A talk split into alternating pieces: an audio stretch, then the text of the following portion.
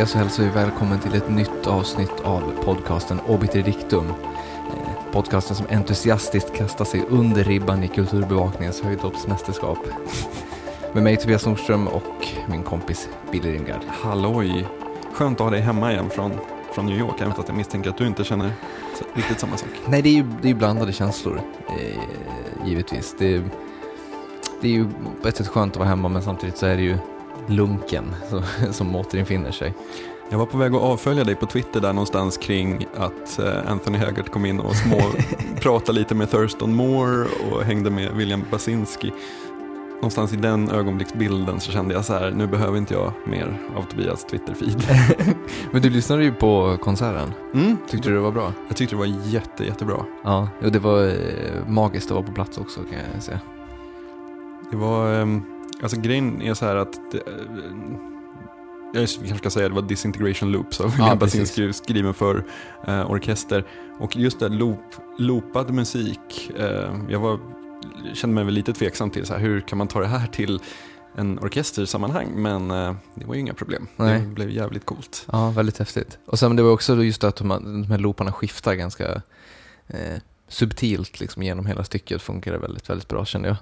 Ja, de, de eh, hade regissören, eller regissören, eh, dirigenten, eh, intervjuade dem på NPRs, jag lyssnade på NPR-streamen, eh, och han pratade om att så här, det i stycket har lagt till så här 16 delar, 8 delar och sånt, fast man ska fortsätta spela liksom hela baren i samma tempo Ah, okay. som man har tidigare. Det är så, så de fick fram de där subtila förändringarna. Men Mm. det var jävligt coolt. mm. Hur har det varit här hemma då?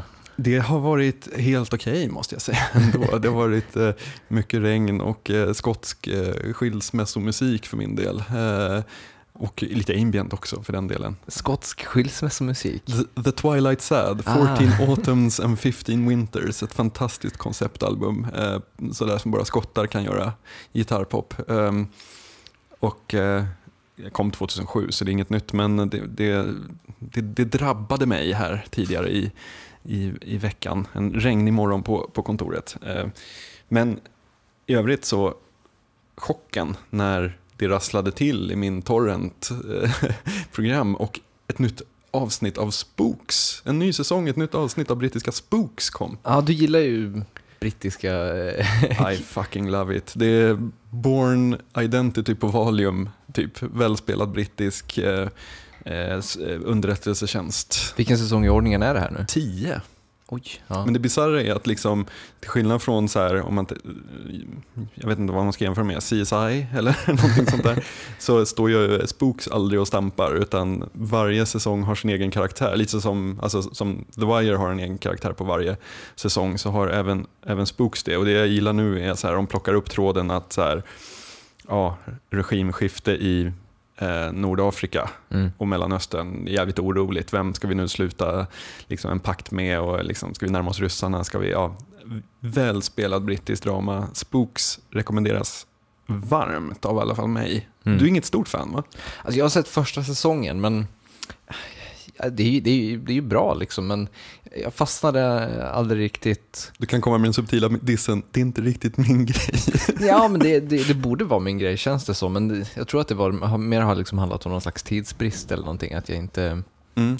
ja, har hunnit ta mig an det helt helt Alltså jag enkelt. kan verkligen tänka mig att det är en serie som man antingen gillar eller, eller ogillar. Eh, Sådär. Jag, vet inte, jag får väl försöka igen. Jag, det tog ju typ tre försök innan The Wire fastnade också, så att Mm. det kommer väl säkert. Allt som är riktigt bra är en så acquired taste. Lite grann, ja. Har du några andra eh, serier som du har... Eller ser du fram emot några premiärer för den sakens skull? Ja, Person of Interest, som väl har haft premiär precis va? Ja, det är väl den här veckan i alla fall. Ja. Mm. Eh, Person of Interest, eh, det är ju också en så här, det kan ju vara bra, det kan vara jättedåligt. Ja. Det är ju Michael Emerson som spelar Ben i Lost. Han jobbar för någon shady government organization som har gjort en eh, maskin eller ett datorprogram som kan eh, predikta terrorbrott Mm. och rekryterar en gammal CIA-agent som är ute i kylan för att stoppa de här grejerna innan de händer. Minority Report möter Born Identity, kanske. Samma... Vi är så sjukt begränsade i våra Ja, referensramar. ja. Det finns bara en film om så här, spies på eh, undercover-grejer. Eh, I övrigt så eh, är jag sjukt peppad faktiskt. Det här låter helt, kanske låter helt sjukt, men jag är sjukt peppad på en serie som börjar i januari som heter The River som är två lost eh, manusförfattares nya grej. Av, de, av synopsis jag har läst så det är typ en så här dotter till en upptäcktsresande som precis när hon så här ska acceptera att han har försvunnit i Latinamerikas djungel så får hon någon så här eh, SOS-beacon och beger sig ner för att um, undersöka. Jag vet inte om det är ett mystery eller om det bara är äventyr eller vad det är, men jag gillar saker som utspelas på en begränsad geografisk plats. Mm. Och en flod, ja, kan bli bra. Jag ser sjukt mycket fram emot uh, Awake. Uh, en serie som uh, kommer ha premiär här, vi ska se, som kommer ha premiär, eller som har haft premiär ser jag nu. Oj, här har vi missat. som handlar om en kille som är med om en trafikolycka och sen skiftar mellan två olika verkligheter mm. där olika saker har hänt då. Men sen har vi även pratat mycket om Alcatraz du och jag. Ja, fast det är väl inte i år va?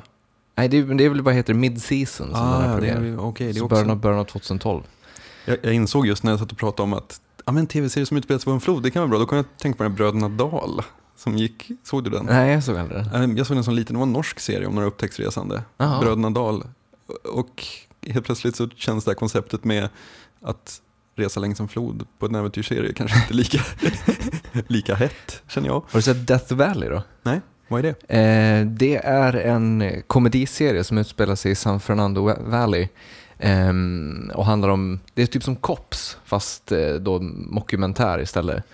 Eh, som följer en polisstyrka då som vad heter det, bekämpar, för San Fernando Valley kallas ju då Death Valley och den har invaderats då av zombies, eh, vampyrer och lite allmänt övernaturliga väsen helt enkelt. Så att, Mm. Och de får då lov att åka runt och röja upp helt enkelt. I kick ass for the Lord.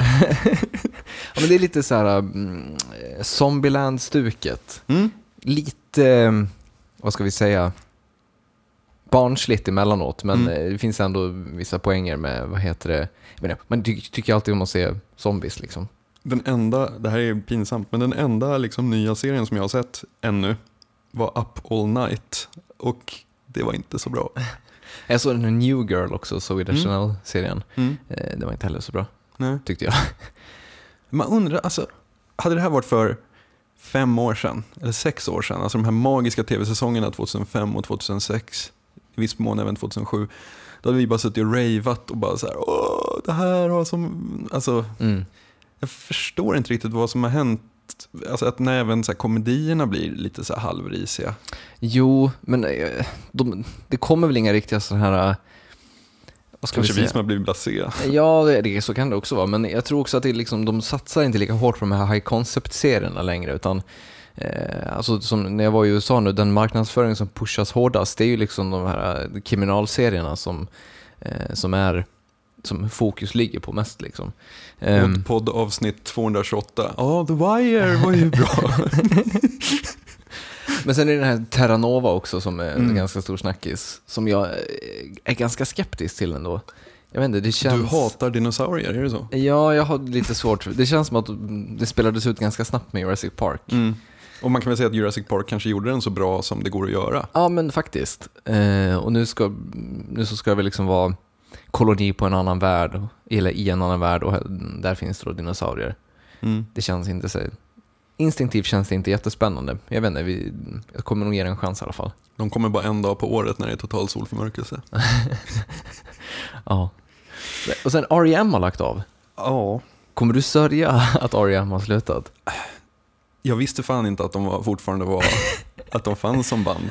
Jag trodde, alltså när jag... De ska tydligen släppa en skiva i år till och med. Ja, den gick mig förbi. ja. Nej men grejen är så att det här slogs ju väldigt stort. På, så här, ekot plockar upp det, morgonekot liksom. Det är inte så många musikhändelser som gör det. Och jag känner så här att, vad får vi reda på imorgon? Att så här, Talk Talk går skilda vägar på grund av musikaliska olikheter. Eh, alltså grejen är, all respekt till R.E.M. Deras 80-tal, fantastiskt. Eh, deras hits, början av 90-talet, också bra. Men just det här, det, det, det, det är lite så här, det är lite kul, vi har varit inne och pratat om det tidigare, just det här att media saknar några stora akter att göra de här 20-sidors bilagorna om och därför letar man desperat. Liksom. Mm. Att det här är ju verkligen så här eh, kulturredaktioner där alla fast anställda är över 50 och du har några vikarier som så här inte har någon säg i vad, vad som ska stå i tidningen. Mm. Det här är ju verkligen ett symptom på det. Att så här, har R.E.M. splittrats? Då måste man göra en stor grej av det.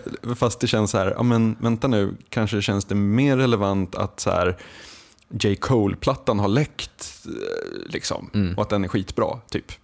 Jag, menar, jag, alltså jag är ganska likgiltigt eh, inställd till R.E.M. splittring. Men det känns som att de, de gav ju på ett sätt upphov till den, en av de värsta genrerna eh, som finns, nämligen MTV-indien. Ja, just det. Alltså den, den här alternativa musiken som eh, ändå är väldigt kommersiell gångbart. Den är så här, eh, lagom konstig liksom. Men gillar inte du Arcade Fire? Jo men de är ändå nästa, det är en evolution i MTV-indien ändå. Och de, de har, Post MTV spelar musik. Ja, precis. Den Indien. Exakt. Men medans R.E.M. då, det är liksom, ja det är sådär lagom konstigt eh, och väldigt safe för vita kids i övre tonåren då när, när, de, när de slog igenom liksom Losing My Religion och så. Mm. Eh, någon liten så halv artsy vi, video till. Eh, och det är liksom, det blir liksom som någon slags indie-version av U2 på något sätt. ja, verkligen. Får jag dra en eh, R.E.M.-anekdot? Ja. De spelade på Sjöhistoriska museet 95 eller 96, lite osäker. Radiohead var förband. Ehm, det var en måndag. På söndagen så hade eh, Sveriges Radio live-kört en eh, konsert med dem från Milton Keynes. Och det var alltså live-live, det var inte inspelat. Mm. Och jag spelade in den och satt hela måndagen och kopierade upp kassettband och stod utanför och sålde. Eh, Så här, R.E.M. live igår. Så kommer det fram en liten satt snubbe med hästsvans, shorts, laminatbricka, så här, typisk roddare liksom och började prata med mig på engelska och jag var livrädd för jag tänkte nu jävlar han sänker mig. Men han köpte ett ex. Det var väl så här, någon ljudtekniker som skulle höra hur det lät. Du gjorde grova pengar på R.E.M.s Jag kände framfart. två eller? lax. och eh, ja, Gick du på konserten? jag lyssnade utanför. så kan det vara. Ja. I In other news så har jag sett nya thing, The Thing-trailern Mm. eh, som kom här i veckan. Och jag har ju varit sjukt skeptisk innan, men fan, det, jag, jag gillar det jag ser. Mm. Den gick ju på bio i USA när jag var där. eh, Jag såg den inte tyvärr. Eller tyvärr, jag inte, jag var inte så himla peppad på att gå och se den på bio heller riktigt. Det, Nej. det känns som en typisk här, söndagsfilm när det kommer en DVD-ripp liksom. Mm. Ehm, jag, jag, vad, vad, vad är det med trailern som får dig att ändra lite inställning? Jag gillar stämningen i den. Alltså de har, den genomsyras av det här eh, dova mullret av eh, arktisk storm. Ehm, och den har liksom eh, replikerna, alltså det, det, jag, jag tänkte överspelad actionfilm, som, som liksom, men den, är, den verkar vara väldigt sådär stay true till, men finns det något Carpenterskt över den då? Tror du det? nej, kanske inte. kanske inte. Det, det, det såg väl lite mer ut som, som en generisk film, men, men jag gillade liksom ljuset och färgerna på något vis. Alltså jag har tyckt mig ana någon slags Paul W.S. Anderson-estetik. Han som Mm. har gjort de här Resident Evil-filmerna och eh, hans bästa film är väl Event Horizon. Um, alltså det, det, det finns någon, sån, någon slags underliggande, lite högoktanig, grabbig eh, tendens i, i det jag har sett på något, på något vis. Som, Dock kvinnlig huvudkaraktär. ja, men det var ju Resident Evil också. Det, det har väl varit hans grej. Ja, jo. jo. Att han st- stoppar in sin... Jag vet inte om de är gifta fortfarande, han är gift med Mila Jovovich. Fast jag känner att, ja, nej, let's not go there. ja, nej men det är väl eh, dags för det här. May I have your attention, please? We've got a, uh, uh, we got a, a situation down here. thermonuclear destruction. A perfect new computerized world. 1,758 feet underground.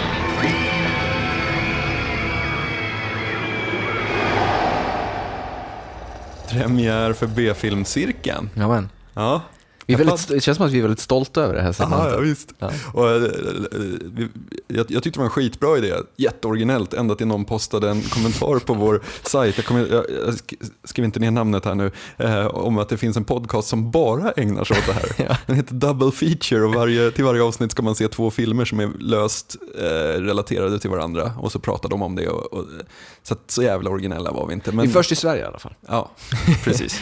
Förutom Weird Science, Twin Peaks, ja i podcastnivå. Ja. Ja. Ja, ja. Men det är en, det är en soft det är, en, det är en soft programpunkt känner jag eh, spontant. Vi behöver, Definitivt. fast det kanske inte var den softaste filmen. Tremors 3, Back to Perfection. We got more than we bargained for kan jag känna. Ja, lite grann. Eh, ska vi köra en kort resumé för de som har sett? Alltså, så här var det ju. Första filmen är ju skitbra. Mm. Det, det, är liksom, det, det kan ingen ta ifrån en. Men den har ju det, det, det som funkar, jag- funderade på det, vad som funkade med den och som, och som jag kan känna inte funkade med den här. Det är att första filmen har en sån väldigt välbalanserad komisk ton. Mm. Ehm, och vi får väl återkomma till varför den här inte har det. Mm. Ehm, så jag tycker också väldigt mycket om första filmen. Eh, vad tycker du om andra filmen? Andra filmer har inte jag sett, vilket gjorde tredje filmen extremt förvirrande eftersom de här gigantiska maskarna som attackerar stackars Perfection har ju tydligen utvecklats och kan nu föda, någon, kläcka någon slags nemesis. Ja, men den finns, är väl inte med i tvåan, så vitt jag kan minnas. Jag läste Wikipedia och Jaha. där var det så att, fast där kunde de inte flyga. Nej, okej, Okej, vi- nu går vi, vi går händelserna i förväg. I tvåan, i ettan, gigantiska maskar attackerar en liten by. Yes. I tvåan, gigantiska maskar attackerar ett oljefält och när de rekryterar folk från byn som ska komma dit och städa upp så upptäcker de att maskarna utvecklats och kläcker några så här shriekers Mm. som är farliga. Mm. Det är de här Eh. stora maskarna, är det inte? Nej, det är de här små tvåbenta varelserna som springer Jaha. på marken. Men sen i trean har de två små tvåbenta varelserna som springer på marken har lärt sig flyga. Genom... Nuclear farts Precis. av något slag. Bara, bara där lägger, lägger vi nivån på något sätt, att de flyger alltså genom att spruta eld ur röven. De, de kallar, kallar dem för ass blasters. Men om vi, om vi, om vi stoppar bandet där. Eh, monsterfilmer eh, generellt. Filmer enligt Oddpods favoritkoncept. Människor på isolerad plats möter något okänt. När det kommer en uppföljare måste de alltid ha utvecklats till någonting annat då för att man ska kunna göra uppföljaren. Alltså jag tycker väl inte det riktigt, men eh, man förstår ju varför de gör det, för de vill väl på något sätt ha ett, ett nytt koncept. Eh, jag tänker på Hajen-filmerna, där har väl Hajen bara blivit lite smartare, men det, det, det är ju fortfarande en haj. Fast vadå, Hajen 4 där, de, där det är personal. Liksom, och hajen letar upp specifika jo. personer för att döda dem. Alltså, då, då känns det inte så jävla kul längre. Hajen 4, det, då har vi kommit en bit bort också känns det som. Spielberg var inte producent. Piranha 2 där pirayorna lär sig flyga. jo, okej då. Jo. Nej, men alltså just det här att okej, vi har, alltså Hotet från underjorden, den första, där låg ju mycket av the suspense låg ju i att så här, okej, här har vi det här lilla ökensamhället där folk, ja, folk är som folk är mest, som Göran Mm. Hägglund skulle ha sagt. Ehm, och så, så liksom, just det här att de ser några konstiga seismologiska värden som inte riktigt stämmer och så har man hela den här klassiska uppbyggnaden till att oh my god, we're under attack. Ehm, så. Jag, är- alltså, jag, jag är inte säker på att man behöver liksom eh, låta dem evolvas på helt absurda sätt. Men, men hur, hur, um, hur ska man berätta en ny historia? I en annan miljö kanske. Ja, det, det är ett sätt. Jag Eh. läste förresten på Wikipedia synopsis att i tvåan så dödar de 26 av de här stora maskarna. Okej. Och då känns det så här, 26? Var inte poängen att det är typ tre och att de är skitsvåra att döda? Ja, jo. Ja. Men tvåan gick kanske all in på Mayhem då eller någonting? ja. Eh, jag vet inte.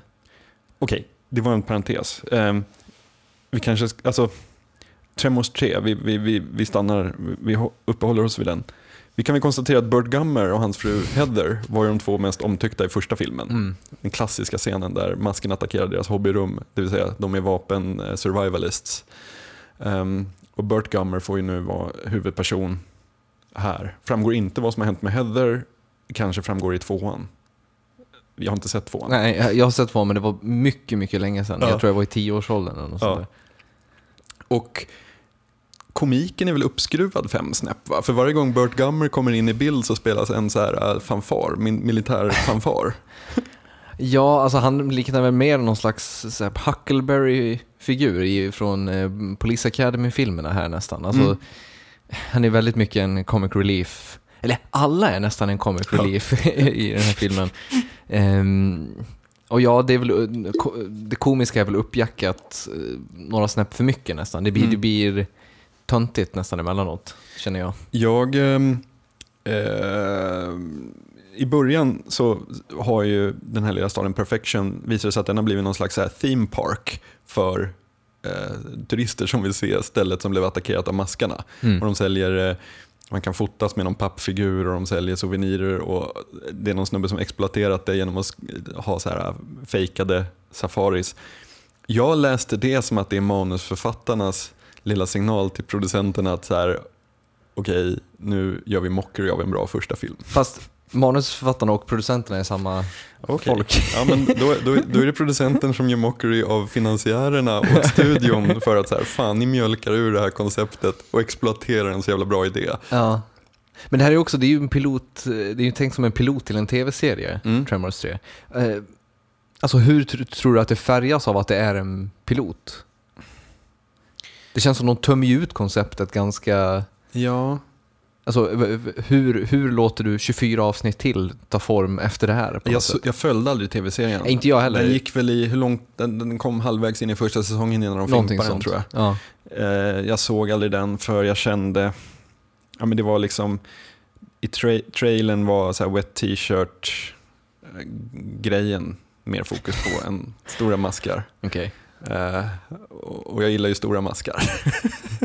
um, alltså det har väl färgat den kanske beroende på vad de har för, för plan eh, för tv-serien såklart. De bollar ju upp då ett, ett nytt eh, ett nytt monster då med de här eh, flygande grejerna. Så det, det, det kan ju vara en grej då. Men på något sätt, alltså det är ju som att göra en tv-serie kring hajen på ett sätt. Mm. Det, blir ju, det blir ju samma sak om och om igen. Ja, de är ju ganska begränsade i sin liksom, farlighet eller vad man ska säga. Ja, både i sin farlighet och i sin setting på något, på något sätt. Liksom att, ja, men det, blir, det, det, det, det tenderar att bli samma historia om och om igen. Och det är väl på något sätt även fil, filmen i sig ett bevis på, där, Mm. liksom, där det upprepas eh, saker från de första filmerna också. Och sen känns det så här att ja, men så här Burt Gummer som då var så här survivalist som bodde i en liten stuga och hade massa vapen. Nu har han värsta så här high-tech-bunkern som han har specialbyggt för att skydda sig just från de här monstren. Det känns verkligen som att allt bara är uppampat tio steg eh, utan särskilt mycket tanke på vad det innebär. Eh, Dock bra kompis att ha när apokalypsen kommer. Ja, definitivt. definitivt. Men jag vet, eh, om man säger så här, om vi lägger undan all diskussion om filmen och bara så här, var det kul? Fick du något av att se den? Alltså, eh, jag fick li, lite grann något, något sånt där värde att man typ skakade på huvudet lite grann. Ehm, och på det sättet så var det väl ganska underhållande. Alltså, mm, men, men det var ju fortfarande att man liksom så här eh, suckade ganska mycket. Mm. Eller hur känner du? Ja, jag, jag, jag vred mig lite i plågor eftersom så här, jag verkligen gillar den första filmen. Ja. Liksom. Det enda jag tog med mig så här och bara tyckte var en så bra, jag vet inte, en, vi, klok, klokhet på vägen. Det var ju att Bird Gummer hade installerat massa varningsalarm och seismologiska grejer hemma hos alla och de bara så nej batterierna dog och jag bytte aldrig ut dem så här och han blir så här, åh. Och det där känns så jävla klassiskt att så här, du har något freak som så här förutspår att skit kommer hända och ingen Precis. lyssnar på honom för det har ju gått 12 år eller vad det var, 10 år. Det är det gamla mantrat att om man är paranoid tillräckligt länge så får man rätt till slut. Ja. ja. Eh, det, det, det, det gillade jag. Men ehm, Vi fick ju lite feedback från eh, våra, våra lyssnare också. yes, Ehm, vilket var eh, många väldigt bra poänger tycker jag. ABCD, e, ABCD Erik eh, skickade ett mail eh, där han bland annat tog upp det här um, metaupplägget som jag tyckte var ganska intressant. Alltså att eh, i filmen så är en av karaktärerna, Jack Sawyer, eh, han har gjort ett slags eh, theme ride av hela den här staden. Där man kan åka runt och titta på, eh, på The Tremors då liksom. Ehm, och då, då finns ju hela det här narrativet med att folk i filmen får uppleva det som var de tidigare filmerna på ett sätt. mm, Alltså någonting som är fake men som de ändå typ tittar på för att det är underhållande. mm, de vet ju inte att det är fake på det sättet heller. Ehm, Och jag vet inte, på ett sätt kan jag känna, är det, ge- ger man för mycket cred till manusförfattarna när man eh, läser in sådana metagrejer? Eller tror du att de har tänkt på, på sådana saker? Jag tr- tror nästan det, för grejen är att jag uppskattade också den grejen. Så här, det är nog första gången jag ser det i en film som är en uppföljare till, alltså just i den här genren. Eh, så här att, ja, men, att man verkligen, gör, inte gör narr av, men att man eh, att det har blivit ett spektakel av, alltså den första filmen är ett spektakel i den tredje filmen. Mm. Sen blir det på riktigt igen. Liksom. Men ja, det var en ganska nice touch ändå, även fast här, de här stereotypa nördturisterna som bara så här I wanna see a graboid. um, kändes väl lite sådär. Väldigt mycket stereotyper i filmen överhuvudtaget. men, Jo men det, är väl- det är väl en sån eh, typisk sån genre som eh, leker med sådana idéer, mm, eh, känns som. Så jag tyckte ändå det var lite konstigt så att den kyssen inte kom riktigt. mm, Det känns som att de gnabbades ju konstant igenom, eh, vad heter det, han och Jack Sawyer och hon den kvinnliga huvudrollen. mm. Men det hände aldrig någonting riktigt. Det kändes som att det var upplagt för en sån vändning på något sätt, att de hatade varandra hela tiden och sen skulle det ändå, ja, ordna upp sig till slut, eller vad man ska säga. Ja, eh, de- kanske tänkte att det var en kliché för mycket. Jag vet inte. Elegansen skrev också ett helt eh, fantastiskt ingående blogginlägg. Mm. Eh, det kändes nästan så bättre och mer, mer genomarbetat än vad vi någonsin skulle kunna göra. Ehm, han, pra, han pratade också på det som vi var inne på lite grann, att ehm, hur historien blir uttömd väldigt snabbt eh, och hur den knappast arbetar särskilt bra för att bygga spänning. Ehm, och det, det, alltså det håller man väl med om, att, att man har fattat grejen efter ungefär en halvtimme känns det som. Mm. Eh, och sen då så är det bara en timme kvar av hur de ska ta koll på de här på något sätt. Mm. Och det blir inte så riktigt... De röjer, de röjer inte så jäkla hårt så att det ska bli tillräckligt underhållande kan jag känna. Nej, men det är väl det som är uppföljarnas problem just när det är såna här saker. att För karaktärerna är det kän- okänt. Liksom. Mm. Hur ska vi deala med det här? Vad händer? Eh, förutom Burt Gummer som, som har alla svar. Eh, men för tittaren så vet man ju så här. Det är lite som att läsa en deckare och veta vem mördaren är i förväg eller? Jo, Alltså, lite grann. det- just när man så här, jag tycker Hajen 1-scenen där de lägger ut eh, med båten, så här, nu ska vi ut och jaga den och alltså man vet inte, vad, vad, hur, är det möjligt att göra det? Liksom? I en andra film, lägger ut med samma båt, alltså yeah we know it can be done. alltså det är inte så här, ehm, och, och det är väl det att när de in, har introducerat de där eh, evolutionen, eller vad man ska säga, på Ja. att shriekersarna kan flyga. Eller det är väl, det är väl kanske den sista så här grejen, att okej, det finns shriekers och så kan de flyga. Det är väl, det är väl liksom akt tre i filmen, Mm. att de kan flyga. Eh, och jag, jag, jag har inget bra svar på hur man löser det rent så här berättartekniskt. Om det finns en lösning på det ens en gång, men jag håller helt och hållet med elegansen i... Alltså jag tror man nästan ska gå typ Alien 2 av hela grejen. Ja, Eh, den, den gör ju det på ett sjukt bra sätt, att då, vi som tittare känner ju till faran re, redan innan. Så vad gör man då? Jo, man gör att de är fler och så skjuter man utav helvete liksom. det känns som ett, ett så bra, bra steg att ta. Ellen Ripley, Alien 2, är ju lite Burt Gummer i Tremor 3, Ja, faktiskt. fast det men då uppjackat och gjort på ett bättre sätt. Liksom. Jag sa Alien 2, det anstår inte en nördpodcast. Aliens. Aliens. Ja. Ja. Men Eh, han, skönt, han sköt först. Eh, och Richard Berg har vi också fått ett mail från. ehm, och han var förvånad över hur rolig filmen var. Ehm, och jag kan nog hålla med. Alltså jag tycker att det är en intressant iakttagelse som, eh, som nästan snuddar vid hela den frågan om en medveten B-het på något sätt. När kara- alltså att karaktärerna de springer runt och skriker om assblasters och sånt. Och manusförfattaren vet ju på något sätt att det är på någon nivå töntigt roande, eller vad man Ja. ska säga. Mm. Jo, vi, vi satte upp tre kriterier där för att bedöma om det var en B-film eller inte. Mm.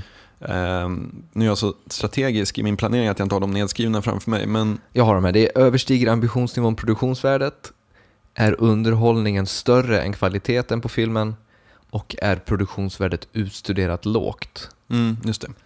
Och jag skulle säga just det där med att produktionsvärdet är utstuderat lågt, så tror jag att det är ja. På den här filmen och att Mm. det därför faller som en B-film. Mm. Um, alltså enligt vår, vårt test. Jo, men något som talar lite för det, det är, det är också att, vad heter de, man kollar på lite, jag kollade in, luskade lite på IMDB, de som arbetar med filmen och sett vad de har gjort mer.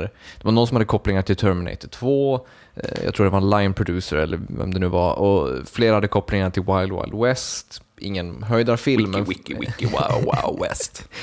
Drew Hill. Ingen höjdarfilm det heller, men, men eh, ändå liksom en ganska stor produktion. Eh, och sen, la- la- många av dem hade även jobbat med Short Circuit, den här robotfilmen som jag tycker väldigt mycket om. Mm. Eh, och sen såg jag även att eh, en av manusförfattarna, S.S. Wilson, som även var producent, han var även writer på en av mina barndomsfavoriter, eh, tv-serien Mask, som var så tecknad serie med en massa hjältar som fick krafter av sina masker. Ah, Ehm, så att det är ändå så här, det, det är inte A-laget i Hollywood direkt. nej.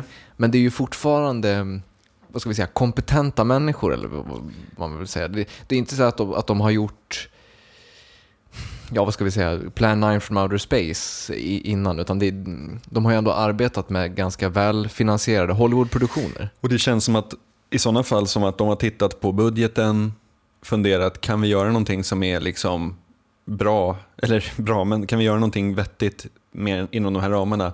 Nja, vi får göra en film som är bra att röka gräs till istället. Mm, typ. Lite så känns det ändå. Mm. Eh, för ehm, ett skratt och lite ass blasters gör ju att man eh, kommer undan med ganska mycket. Ja, det är ju så. Men om vi då lite avslutningsvis här ställer oss de tre frågorna. Mm. Överstiger ambitionsnivån produktionsvärdet? Nej, Nej, det tycker inte jag heller. Alltså, de har ju inte tagit i från tårna direkt med, med att hitta på något, eh, något, in, något intrikat. nej. Utan det, det, de håller det ju ganska simpelt till det, det redan etablerade konceptet. Liksom. Mm. Ehm, och är underhållningen större än kvaliteten på filmen? Mm. Den är så sjukt abstrakt. Eh, Ja. den frågan. Jag skulle säga nej, det är den inte. Kvaliteten på filmen är ju väldigt låg, Ja. men underhållningen är ju väldigt låg också. Ja. Men om man säger så här, kvaliteten, om man skulle säga vad den ändå kostat att skjuta och, liksom, Mm. och göra, så tycker jag inte att så här, underhållningen överstiger, jag vet inte vad den ha- hade för budget, men jag kan ju ändå tänka mig att det är en, ja, det är ju säkert 40-50 svenska miljoner i alla fall. Mm. Och jag, jag, jag tycker inte att, alltså nej. Nej, och sen också underhållningen är ju, den är ju måttlig minst sagt. det, är, det är inte så att jag liksom så vill se om den, eller att Nej. jag liksom så här vill visa den för någon jag känner. Nej. Utan det är ju mer en, en parentes i filmtittandet på något sätt. Mm. Och så sista då, är produktionsvärdet utstuderat lågt? Ja. Ja, det är det. Så den failade på alla tre punkter. ja. Det var en dålig, dålig film helt Ja, enkelt. det var en dålig, dålig film. Det var inte en bra, dålig film. Ja. Jag känner ju nästan så här, alltså det här kanske var en lite väl stor djupdykning för första gången. Ja, men då har vi, det känns ändå som att då har vi så här, lagt en ribba för, för hur, hur dålig B-filmen kan vara på något Mm. sätt. Ehm, men ska vi tillkänna nästa B-filmcirkelsfilm? Ja, och det är ju en film där vi försöker att väga upp lite åt andra hållet. Ja, det, det är fortfarande då en B-film, men som vi tror har lite mer potential om man säger så. Mm. Eh, det är alltså den gamla Don Johnson-debuten A Boy and His Dog. Mm. En apokalypsfilm. Don Johnson plus Apocalyps Ja, låter ju fantastiskt. Precis. Ehm, så då tittar vi på den och så pratar vi om den om två veckor. Mm. Låter det bra? Yes. Vi fixar en, en, en torrent och länkar till. Ja, det gör vi.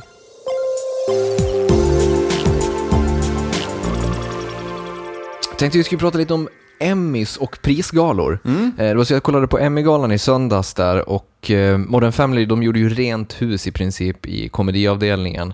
Eh, Friday Night Lights fick flest priser i dramagenren och Mad Men plockade som vanligt hem priset för bästa drama.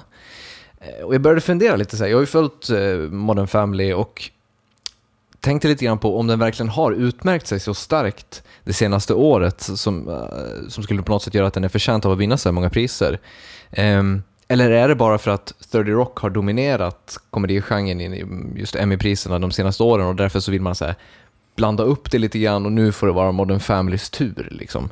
Ehm, för det känns som att amerikanska galor, de antar ofta formen av att prisa ut efter ett slags eh, regel som vill skriva en historia snarare än att lyfta fram någonting som faktiskt har varit bra. Jag tänker inte minst på så Oscarsgalan som ofta eh, i princip nästan har så tematisk indelning av priserna. Det var ju något år där det till exempel väldigt många eh, African American människor vann. Sidney Poitier fick så här heders-Oscar, eh, Denzel Washington vann för bästa manliga huvudroll, Halle Berry för bästa kvinnliga. Så att man liksom så delar upp det och de får ha sin natt, eller vad man ska säga. Liksom. Och det, En historisk gala. Ja, men precis. Eh, Och det, det känns som samma sak var ju med, med sista Sagan om ringen-filmen, som väl i princip inte hade vunnit, kanske hade vunnit så special effects-Oscar för de två första filmerna och sen sista filmen då, ja då ska den vinna alltihop. När, när sista filmen inte alls var särskilt mycket bättre än de andra två. Lång och trogen tjänst. Ja, men lite grann. Ehm, och efter det då så började jag fundera lite grann på om, om det finns någon poäng med de här branschskalorna och den, den här historieskrivningen som de ägnar sig åt. Eller eh, om de bara blir liksom ett, eh, en trist uppsatt mall där credit ska fördelas jämnt mellan olika kollegor. Vad, vad, vad tror du? Jag tycker att den här sortens branschgalor ofta handlar om eh, kanske inte att premiera kvalitet på det sättet. Jag, jag älskar typ brittiska Mercury Prize för bästa album. Eh, kanadensiska Polaris Prize som är samma sak. Här i Sverige, eller i Norden så har vi Nordic, vad heter det? Nordic Music Prize. Va? Där man liksom har en jury som är utsatt för att så här, vi ska välja ut bästa albumet som gjorts i år och då, det gör man inte utifrån grunderna vem som har sålt mest eller vem som har liksom gjort starka statement eller någonting sånt där utan ah, ja, utifrån någon här, nästan lite så Nobelpris i litteraturgrejen. Att så här, I och för sig Men- Nobelpris i litteratur är väl verkligen lång och trogen tjänst. Liksom. Men ett pr- pris som så här Polarpriset i Sverige. Mm. Jag, alltså jag har bäst koll på musikpris och därför så, så tar jag upp dem som exempel först. Ehm, Polarpriset kan jag verkligen känna är så här, alltid några år för sent på bollen, väldigt mycket lång och trogen tjänst, plus att med tanke på vilka de ger priserna så har de ju, de har ju en to-do-lista på typ 100 namn som bara är att börja bocka av i princip. Ja, men det känns så som, som att de priserna blir eh, de blir på ett sätt mer historieskrivande men samtidigt mindre, de, de konstruerar mindre narrativ eftersom att de på något sätt inte behöver ta hänsyn till att markera det som är bra i samtiden. Eh, alltså, det skulle inte vara konstigt om typ Jean-Michel Jarre fick eh, Polarpriset Nej. nu, Nej. även fast han är typ är totalt inaktuell. Ja. Eller ja, han är alltid aktuell, men, men, men, men rent musikaliskt ganska inaktuell ändå. Mm. Ehm, men det skulle fo- fortfarande vara helt naturligt om han vann ett sånt pris. Mm. Sam, detsamma gäller liksom eh, Nobelpriset i litter- litteratur som skulle kunna ges till någon som inte har skrivit en, en bokstav på 20 år i princip. Mm. Det skulle ändå vara fullt naturligt. Mm. Medan då de här branschgalorna och de branschpriserna, de, de vill ju mer på något sätt markera vad som har varit bra nu. Liksom. Mm. Och det, jag, jag kan tycka att det blir så problematiskt ehm, att det blir en afton för upprättelse snarare än, än en afton där man på något sätt faktiskt har grävt djupt. Det är ju så här, I USA är det verk, verkligen Emmys, framförallt äh, tv-seriegalorna, Emmys och Golden Globes, det är ju samma serier som är nominerade år efter år. Ja. Det är inte så att de blandar upp det och bara oj, det här året har någon reality show varit skitbra. Nej. Utan det är liksom så här, ja, det är Daily Show, Jon Stewart som vinner allting. Ja. Och där kan jag känna så här att alla, alla serier går ju i cykler. Ehm, och även en reality show, alltså som årets säsong av Deadliest Catch var helt fantastisk. Det var en av de bästa säsongerna någonsin. Ehm, men det, man tar inte riktigt hänsyn till det därför att man på något vis man tittar ju på hela konceptet, man tittar på eh, vad det står för, vilka som gör det, hur det har finansierats. Alltså man, man ser på massa sådana saker. Jag läste idag faktiskt, eh, eh, eller igår blir det ju, det. vi spelar in torsdag kväll så att eh, det var i, eh, i, tors, i torsdags så såg jag att eh, de medlemmarna i Academ, Academy of Motion Picture Arts and Science som röstar fram Oscar eh, har i år fått extremt tajta regler för vilka event de får delta i under nomineringsmånaderna. Mm. Så att de inte får gå på alla de här lyxmiddagarna och stora liksom, ja, alltså så att, så att man inte längre kan köpa sig Mindre lobbyverksamhet helt Ja. Mm. och det får en att undra så här, okej, problemet är alltså så stort. Eller problemet, men det är så det går till. Man tittar inte på så här, ja men det här var en bra film, utan man tittar på vad fick jag bäst krubb? Mm. Lite. Ja, men det där är också väldigt så här, det, det, det, de, de, de arbetar ju efter ganska så konstiga regler på något sätt. Alltså, som på, någon gång på, jag kommer inte ihåg vilket år det var, men Crouching Tiger, Hidden Dragon, när den gick på bio, då hade den helt plötsligt jättemånga Oscarsnomineringar, trots att det var en film på kinesiska som liksom var finansierad i Hongkong, eller om det var Kina eller någonting sånt. Eh, Bara, och sen, men det var en ganska västvänlig regissör i Ang Lee. Så bara, ja men den har så sex nomineringar. Och så man tänker så varje år så görs det ju filmer som är mycket bättre än Hollywoodfilmerna runt om i världen, men de ser man bara förbi totalt på något Ja. sätt. Men sen ibland då så liksom bara, då, så fort det är någon som är bekant med Hollywood, då kan man ändå bli nominerad fast det inte är en renodlad Hollywoodfilm. Liksom. Men jag kan uppskatta filmfestivalernas priser mycket bättre. Mm. Eh, För där har du någonstans, jag menar i kategorierna i Oscar exempelvis för eh, skådespelarkategorierna, då Mm. får ju de som är medlemmar i Actor, Screen Actors Guild har ju röstmöjlighet väl? I, Nej, jag tror det bara är akademin som, är bara akademin? som får rösta i Oscars Okej, men de som är i akademin får bara rösta inom det gildet som de är medlemmar tror jag. Mm, det Eh. tror, så kan det vara. Ehm, och det är ju tyvärr så att bara Det är inga, för- så här, sen det, vi skulle säga det, det är ju inga så här, det är inga så historiska namn direkt som sitter Nej. med i akademin heller. Så Will Smith är med i akademin. Ja. Vilket så här liksom, han har ju inte gjort någonting minnesvärt. Nej. Det skulle vara typ Ali wiki, eller wow, wow.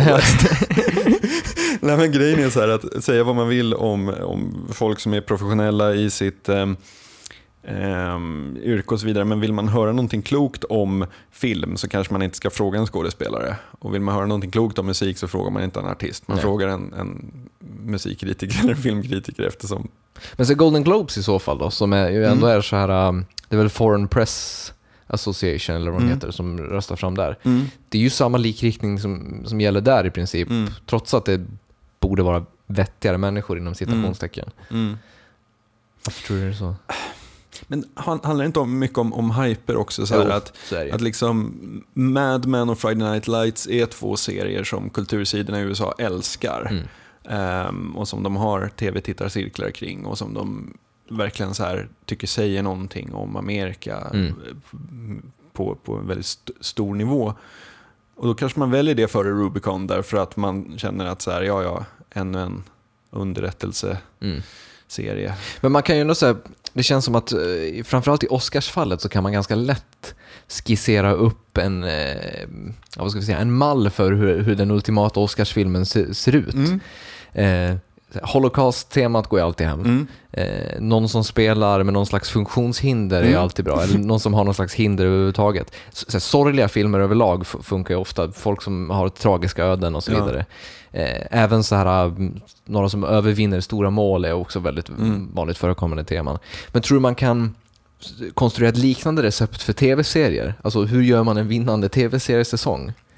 Jag tror man gör en vinnande tv-säsong genom att göra någonting som ingen har sett förut och därför får folk att tro att det är en storslagen serie. Mm. Alltså som Mad Men exempelvis tror jag vinner mer på sin estetik och sin så här, stil. Sin eh, setting. Sin setting Mm. och sin liksom, wardrobe. Ehm, snarare än att det är ett fantastiskt eh, drama om människoöden. För det är det ju inte egentligen. Det är ju mycket, eller det, det, ja, jag, jag, jag uppskattar Mad Men jättemycket. Men det är ju inte så här, det är inte som i Friday Night Lights, alltså den så här hjärt, alltså livsödesgrejen liksom. Mm.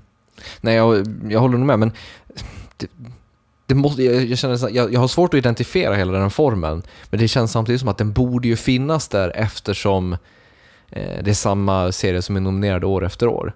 Alltså 30 Rock har vunnit bästa komedi så här, fyra år i rad eller någonting, och Mm. Mad Men har bästa drama ungefär lika många gånger. Eh, och jag vet inte, eh, jag, vet inte, jag har inte riktigt bestämt Fast mig det är lite som när Zlatan vinner Guldbollen så här, år efter år. Vem, vem ska man ge den till då? Kom Jo, igen. det är Liksom. väl så. Det Men vadå, som Louis, Louis CK serie har ju varit Mm. fantastisk. Den är så här, visst den var nominerad, men det är liksom, de skulle aldrig ge den ett pris. nej. Samma sak så här, True Blood som har varit fantastisk flera säsonger. Har liksom knappt blivit nominerat, eller har blivit nominerat några gånger men det vinner Fast, liksom inte. fast går vi inte in på den här eh, eh, popkultur versus finkultur där. Att alltså, även tv-skribenter har någonstans läst filmvetenskap och de, de ser tv-mediet som något fint som ska vårdas, som inte är slötitta ett avsnitt av CSI. Um, ehm, spelar ingen roll vilken fantastisk story arc CSI skulle kunna köra under en säsong för det skulle aldrig uppmärksammas där. Um, det, var, det var som Jonas Tente skrev i DN häromveckan om det här risken med att släppa in liksom nöjeslitteraturen på kultursidorna, varför man inte ska göra det. Um, Medan jag känner så här, ja men typ så här, ta George Pelikanos, ja han skriver renodlad crime, men det är ju inte samma sak som, ja, jag vet inte. Ed McBain. Nej, Men Eddie McBain är helt han är också, Det, det är ganska bra. Ja. Men eh, det, det blir liksom inte... Jag, jag, jag tror mycket bottnar i det, att, att en serie som, som eh, 30 Rock, den är smart på så sjukt många nivåer förutom Mm. att den är rolig. Alltså den handlar om, ehm, den handlar om så mycket. Det är inte, det är inte bara ett skratt. Nej. Och då så, alltså de kulturjournalister som, som då röstar, eh, de väger in allt det och ehm, ser det som något finare än en ren underhållning. Mm. Men varför tror du att man kollar på de här galorna då? Ja, för att det glittrar och glammar och på röda mattan är folk så vackra. Ja, jo, men alltså, jag kan känna det lite. Eller jag, jag kollar nog mycket för, för att liksom så här äh, se de här, vad ska man säga, typ händelser i eh, nöjesindustrin, vad man ska säga. Som, som på Emmy-galan nu, det fanns ju väldigt ö, talande ögonblick när Charlie Sheen skulle dela ut pris. Och kommer upp på scenen då och eh, typ får i princip nästan stående ovationer för att han på något sätt är så här back. back to normal eller vad man ska säga. Och han liksom då ber, säger att han liksom inte har någonting emot de som arbetar med Two and a Half Men. Liksom. Eh, och då är det liksom på något sätt, ah, han har återuppstått eller vad man ska säga, framför våra ögon. Det, är alltså, det är ju de ögonblicken jag tittar för. Men ifall jag typ inte alls tycker att Charlie Sheen har återuppstått så, eh, så liksom på något sätt är det kul att sitta och genomskåda de, de historierna på något sätt. Men det är väl som så här när man tittar på MTV Music Awards och sånt. Eh, det man vill åt är ju typ så när Beyoncé visar att hon är gravid och de klipper till så här en leende Jay-Z och Kanye kommer och hoppar upp på hans rygg och bara så här wow! Alltså du vet, det, alltså det, det händer ju alltid några sådana moments i varje eh, gala. Men själva priserna ger jag inte särskilt mycket för. Alltså, ta så här Svenska Grammisgalan exempelvis för musik. Alltså, jag fick inbjudan till den där jävla juryn i liksom, ja, säkert sju, åtta års tid med två efterföljande påminnelser. Du har väl inte glömt bort att, och du vet, de, om de håller på och trugar så när de går, går på C-laget, liksom, vilka har då Tackat tackat nej. nej innan? Kom igen. Om de, alltså det, det, det känns så här, och eller rättare sagt, vilka tackar då ja? Mm. Var, alltså, hur, hur djupt, ja, jag vet inte, det, det kände jag så här, det kändes så jävla pajas. Just den här sorgliga påminnelsen, du har väl inte glömt? Man bara, men ursäkta, ni ska väl vara det stora musikpriset? Ja. Ehm, och då, då känner jag så här, men typ så här Kristallen, TV-galan. Ja, men den, åh, Det, det finns två liksom... Måste vi prata om Kristallen? För den känns så sjukt symptomatiskt på så här, eh, hur, jävla lill, ja, hur jävla lillebror Sverige är. Bara, så här, men kolla, vi kan också ha en tv-gala som är underhållande. Och man bara, nej, det kan vi inte. Nej. Det, det är så här, ni kan när det nominera... egentligen finns två aktörer, SVT och TV4, som har muskler att göra någonting fett. Liksom. Ja, och sen liksom så här, vad heter det? Typ på, på, på Kristallengalan så är ju Filip och Fredrik i princip underdogs. Ja. Och det är talande på något sätt. Ja. Alltså, det är så, mm, vad ska vi säga, det är lite edgy när de kommer upp på scenen och typ pladdrar igenom sitt tacktal och är stimmiga på scenen. Ja. Det, blir bara, det, blir bara så smärtsamt eh, tydligt över hur litet och tråkigt vårt tv-land är på något Ja. sätt. Jag kan ju förstå liksom behovet av jag kan mycket, mycket mer förstå typ så här, vad heter guldägget där reklambranschen Mm. ger pris till varandra. Liksom. Då sitter det 10-15 reklambyråer där och tävlar mot varandra och man liksom spänner musklerna Och det är ingen som typ utanför som bryr sig. Ingen bryr sig, men det är Nej. världens grej för de som vinner där. Liksom. Vi vann guldägget för eh, Bringfors och ja, vad de nu heter. Alla. Eh, Och då, alltså det fyller väl någon slags bransch, eh, branschgrej. Men det, ja, men ta så här Svenska poddradiopriset. Liksom. Vi kan inte kon- konkurrera mot så här P3 Dokumentär. Eh, Det går inte, sorry. Vi sitter här och pladdrar massa jävla skit. Liksom. Så att, ja, men det- blir så här, det blir så konstigt tycker jag när man ska försöka ja, ta priser. eh, I många fall tror jag att priser egentligen, galor eller utnämningar sådär, den enda funktionen det fyller är på något sätt att sätta ljus på hela verksamheten. Mm. Att säga ja, när liksom när någon gör en grej av så här, Svenska poddradiopriset och så vinner Peter Dokumentär, då får folk upp ögonen för att så här, shit, finns det något som heter podcasts? Coolt. Eftersom det ändå är en så här, ganska liten eh, skara i Sverige som lyssnar. Va? Jag tänkte på det, alltså bara en parentes. De borde ju egentligen diskas eftersom att de egentligen inte eh, tekniskt sett är en podcast. Nej. Det är ju det är ju ett radioprogram som lägger upp sina avsnitt för nedladdning. Ja. Det går väl emot hela idén med en podcast på ett sätt. ja, precis. Det ska ju vara glada amatörer. Ja. Men eh, lite avslutningsvis då, den här, det som var inne på, lite inne på inledningsvis med den här, det här historieskrivandet. Ty- ty- Tycker du att det fyller någon slags funktion ändå? Det här med att man väljer att lyfta fram någonting speciellt för att på något sätt skriva in det i historieböckerna? Alltså i, i vissa särskilda fall så är det ju absolut så. Jag kan tycka att om man, mm, om man gör ett exceptionellt projekt som verkligen är, eh, som man fattar att så här, shit, det här kommer folk titta tillbaka på och tycka att det här var, eh, det här var modigt, djärvt, vågat i den samtiden. Och, eh, alltså, då, då tar man ju hänsyn till alla de här sakerna jag pratade om tidigare och dissade då. Alltså just de här utom... Alltså, ska, ska man bara titta på upplevelsen och värdet av filmen eller ska man titta på vad den betyder i, sitt sam, i samhället den finns i?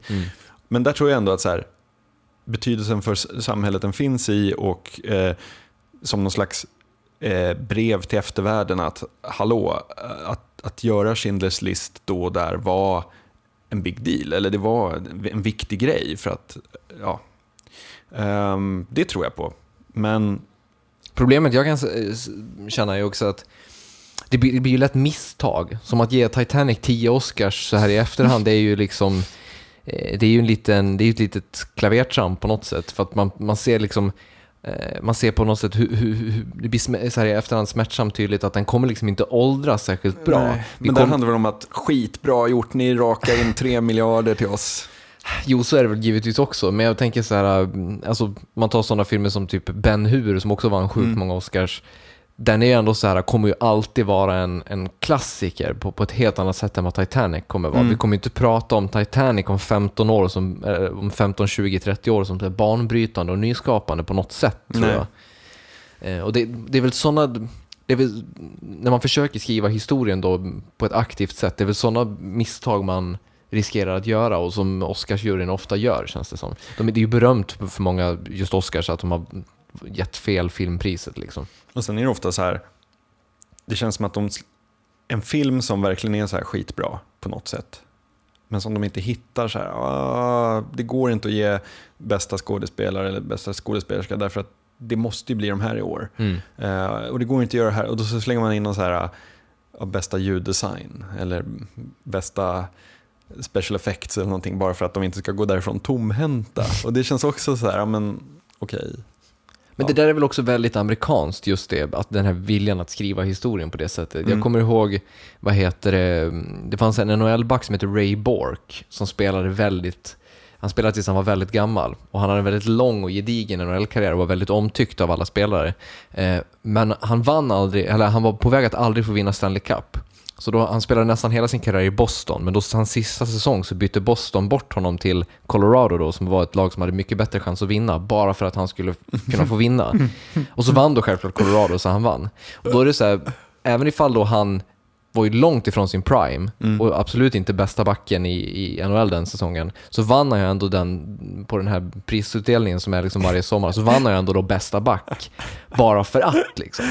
Det, det blir ju, där har vi ending, typ. Precis, alltså det blir väldigt symptomatiskt på något sätt att så här, han, får ju inte, han får ju inte utmärkelsen för att han har varit den bästa backen, utan han får den bara så att det ska liksom bli den här episka Ja. historien Ja. som man kan, sen kan filmatisera. Och egentligen, ja. Ja, alltså grejen är att det beror ju på. Är det, är det det som är det uttalade syftet så go ahead. Men Det blir väl på något sätt, det som blir lite eh, snus, småsnuskigt väl när man på något sätt eh, låtsas som att det inte är så. ja, Eh, som, att vilket- det, som att det står för kvalitet. Ja, och det, det är väl det amerikaner ofta gör också på något sätt. Och därmed är vi framme vid en gammal välkänd del av Obiter Dictum. Vi kallar den för postscriptum och det är delen där vi tipsar om någonting. Jag ska tipsa om ett eh, spel för iPhone och iPad som heter One Bit Ninja. Som är helt sjukt. Det är som, som eh, Super Mario fast absurt för man kan bara gå framåt, man kan bara hoppa, det är det enda man kan göra och det går sjukt fort, sjukt svårt och eh, är larvigt på ett jävligt härligt sätt. Mm. Jag tänkte, vi pratade ju förra veckan lite grann om DC Comics Reboot när vi pratade om eh, Stålmannens nya dräkt där. Och jag tänkte tipsa om en av serierna som eh, då har fått en reboot här. Det är eh, Swamp Thing. Den gamla Alan Moore-serien som eh, nu har fått en ny dräkt med eh, Scott Snyder som ny eh, författare. Eh, Scott Snyder har ju gått från klarhet till klarhet inom eh, DC. Han hade den här American Vampire-serien som har blivit sjukt stor som han gjorde tillsammans med Stephen King bland annat. Och nya Swamp Thing nu då, den har bara kommit ut ett nummer än så länge men sjukt lovande. Vi ses igen om en vecka. Ha det bra tills dess. Hej då.